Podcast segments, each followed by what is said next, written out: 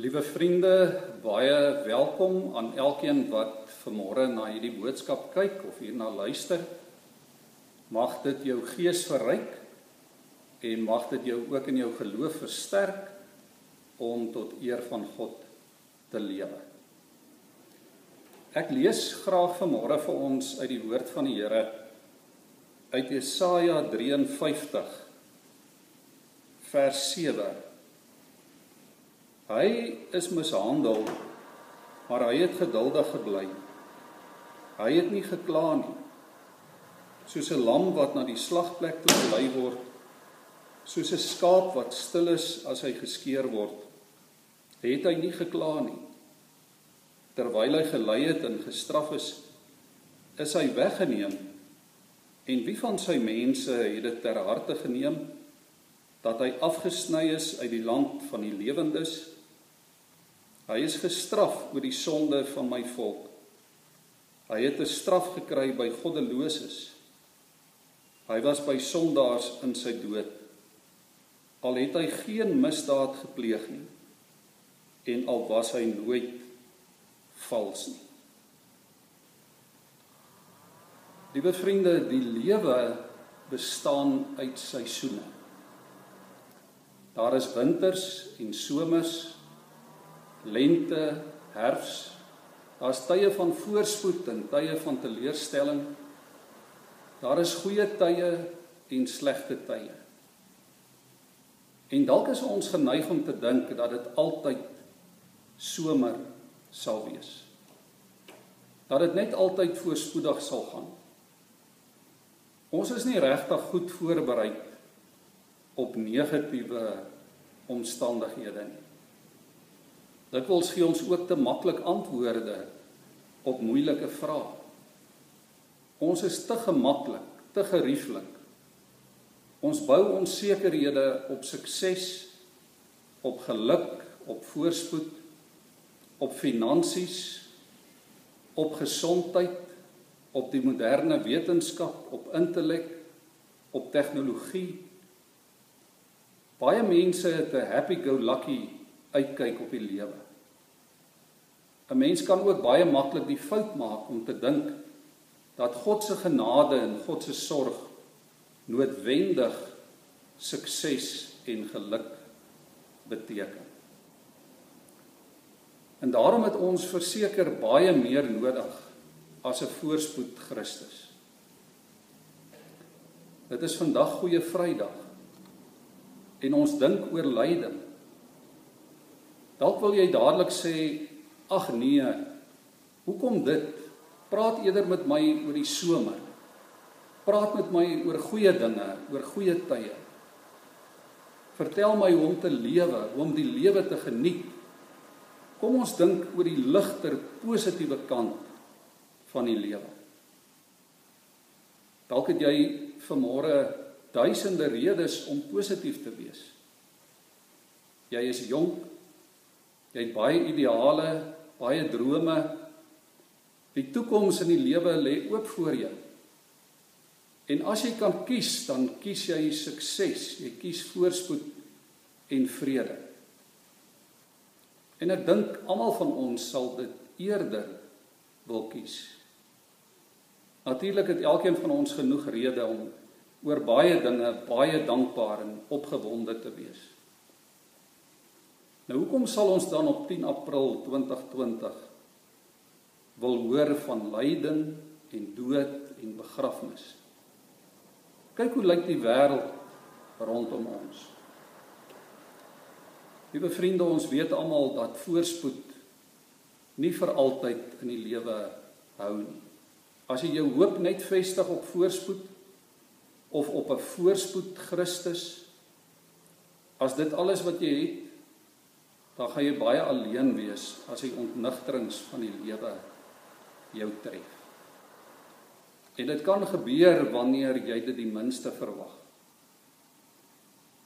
En daarom moet ons mekaar herinner hoe om ook te oorleef en te floreer in die winters van die lewe. Ons moet mekaar help om te weet dat as alles rondom jou in duie stort, dan is Christus jou hulp en jou krag. Daar's 'n ou bekende haleluja lied wat dit vir my altyd so mooi sê. Die woorde van die lied klink so: As vrede my pad deur die wêreld verlig of as smarte dreig om my te verniel dan antwoord ek vry watter lot my ook tref dit is wel dit is wel met my siel ons moet mekaar help met dit om te weet dit is wel met my siel en daarvoor het ons baie meer nodig as maklike goedkoop antwoorde. Meer nodig as 'n goedkoop Christus. Nou nêrens in die hele Ou Testament dink ek kry ons die evangelie so duidelik soos juis hier in Jesaja 53. Dit is so helder dat 'n Jood met die naam Riek Gans aanstoot geneem het toe hy hierdie gedeelte lees en dit hoor. Hy het gedink dit is die Nuwe Testament. Ons kry hier 'n detail beskrywing van wat Jesus vir ons kom doen het as die ware beloofde Messias. Kom ons dink 'n bietjie. Wat is die eerste ding wat jy doen as iemand jou beskuldig? Jy verdedig jouself. As hulle jou vals beskuldig, dan verdedig jy jouself nog meer. Maar Jesus was nie so nie. Hulle het hom verhoor, hulle het hom vals beskuldig, hulle het hom mishandel. Hulle het hom veroordeel. En Jesus was stil. Soos 'n lam wat na die slagpale gelei word, soos 'n skaap wat geskeur word. Hy het homself nie verdedig nie. Hy was stil, sagmoedig, nederig toe hy geslag het. As Jesus homself moes verdedig of moes verontskuldig, dan het hy nie gesterf nie. En dan was die hel jou en my voorland. Ons hoor dit 3 keer hier in vers 7. Hy was verdruk, hy's getuister, hy was beproef, hy's mishandel, maar hy het nie gekla nie. Hy was stil, hy het nie gepraat nie. Hy het nie sy mond oopgemaak nie. Jesus het gelei omdat hy gelei het verander. Sy dood bring lewe verander. Sy pyn bring vir jou en vir my genesing. Nie 'n tydelike genesing. Nie 'n materiële aardse genesing. Maar 'n dieper ewige geestelike genesing. Sy straf is die straf wat ons verdien. Vers 6 sê ons het almal gedwaal soos skape. Maar die Here het ons almal se sonde op hom laat afkom. Die prentjie wat die Bybel skets van ons as mense is dat ons altyd soos dwaalende verlore skape is. Ons is geneig tot sonde. Ons rebelleer, ons volg ons eie kop. Dit is hoe ons is. En daarom moet ons altyd leer van berou. Altyd leer om terug te draai na God toe. Deur die verlosser wat God vir ons voorsien het. As ons nie terugkom is ons verlore in ons verlorenheid. Verlore in ons wonde wat nie wil genees nie dan word ons gestraf vir ons eie oortredings. Ja, ons is die verlore skape. Maar Jesus, die lydende knegg van God, kom staan as offer in ons plek om ons na God toe te bring. God kom lê ons in die wêreld se ongeregtighede op Jesus se skouers. Hy het nie gekla nie. Hy was die stil lam van God. Hy het nie sy mond oopgemaak. Ons leef vandag in 'n wêreld vol lyding. Vol onreg, 'n wêreld, 'n samelewing wat in baie opsigte ontaard het. Ons leef in 'n wêreld wat die prys betaal vir ongeloof, vir ongeërgdheid.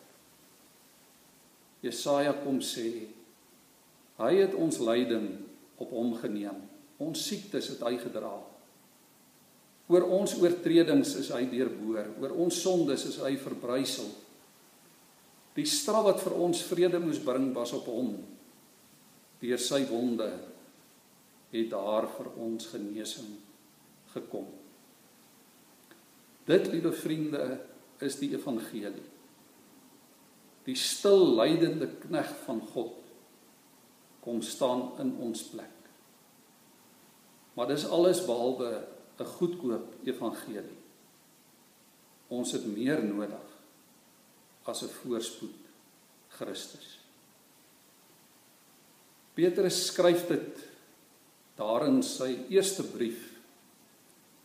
Hy sê gelowige volgelinge van Jesus Christus is vreemdelinge in hierdie wêreld. Ons het 'n lewende hoop, 'n ewige erfenis deur dit wat Christus gedoen het. En te midde van beproewings, te midde van lyding, moet ons heilig en gelowig lewe totdat Jesus weer kom en totdat ons by hom is. Ek lees dit vir ons uit 1 Petrus 2 vers 21 tot 25. Petrus skryf: Juis hiervoor is julle ook geroep omdat Christus self julle gelei en soveel 'n voorbeeld gestel het sodat julle in sy voetspore kan volg. Hy het geen sonde gedoen nie. Uit sy mond het daar nooit 'n leuen gekom nie. Toe hy beledig is, het hy nie terugbeledig nie. Toe hy gelei het, het hy nie gedreig nie. Hy het alles oorgelaat aan God wat regverdig oordeel. Hy het self ons sondes in sy liggaam aan die kruis gedra. En daardeur is ons vir die sondes dood en kan ons lewe in gehoorsaamheid aan die wil van God. Deur sy wonde is jy genees. Jy het immer so skape rondgedwaal, sê Petrus. Maar nou het jy teruggekom na die herder en die bewaker van julle lewe. Daar is 'n stuk genade, liewe vriende, in stilte. Daar's 'n stuk genade in stil wees voor God. In Jesus se stil wees op Golgotha, in sy stil wees op pad na die kruis, lê daar vir ons verlossing. Uit sy mond kom net 'n paar kort sinne. 'n Paar woorde oor die koninkryk van God. Net 'n paar woorde van seën vir die mense rondom hom. Hy verdedig nie hy veroordeel nie. So stil word dit aan die kruis dat die son ophou skyn. Selfs God was stil ter wille van die wêreld. En in sy stil wees lê ons verlossing. Goeie Vrydag 10 April 2020 is 'n tyd vir stil word. En ek glo dat as ons stil genoeg word, ons die stem van God duidelik sal hoor. In Psalm 62 vers 6 lees ons: Wees maar net stil tot God my siel, want van hom is my verwagting. Ek wil afsluit die die ouer garde onder ons sal die tweede vers van die ou beruiming van Psalm 23 goed onthou. En is ek soos 'n skaap in doodsgevare wat in die velde as 'n prooi van wolwe gaan?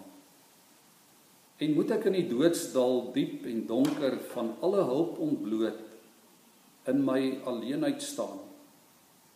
Dan nog ken ek geen doodsvrees of verskrikking omdat u staf my troos is en verkwikking.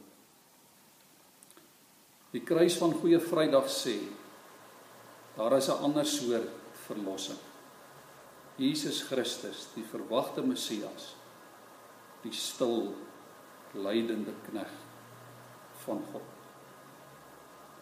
Kom ons buig ons hoofde en dan bid ons saam. Liewe Vader in die hemel. Here, dankie vir hierdie dag. Dankie Here dat dit wat op hierdie dag meer as 2000 jaar gelede gebeur het vir ons as u kinders en vir hierdie hele wêreld die teken is van verlossing. Die teken van genade, die teken van ewige redding. Dankie Here dat dit so persoonlik is. Dat dit bedoel is vir elkeen van ons.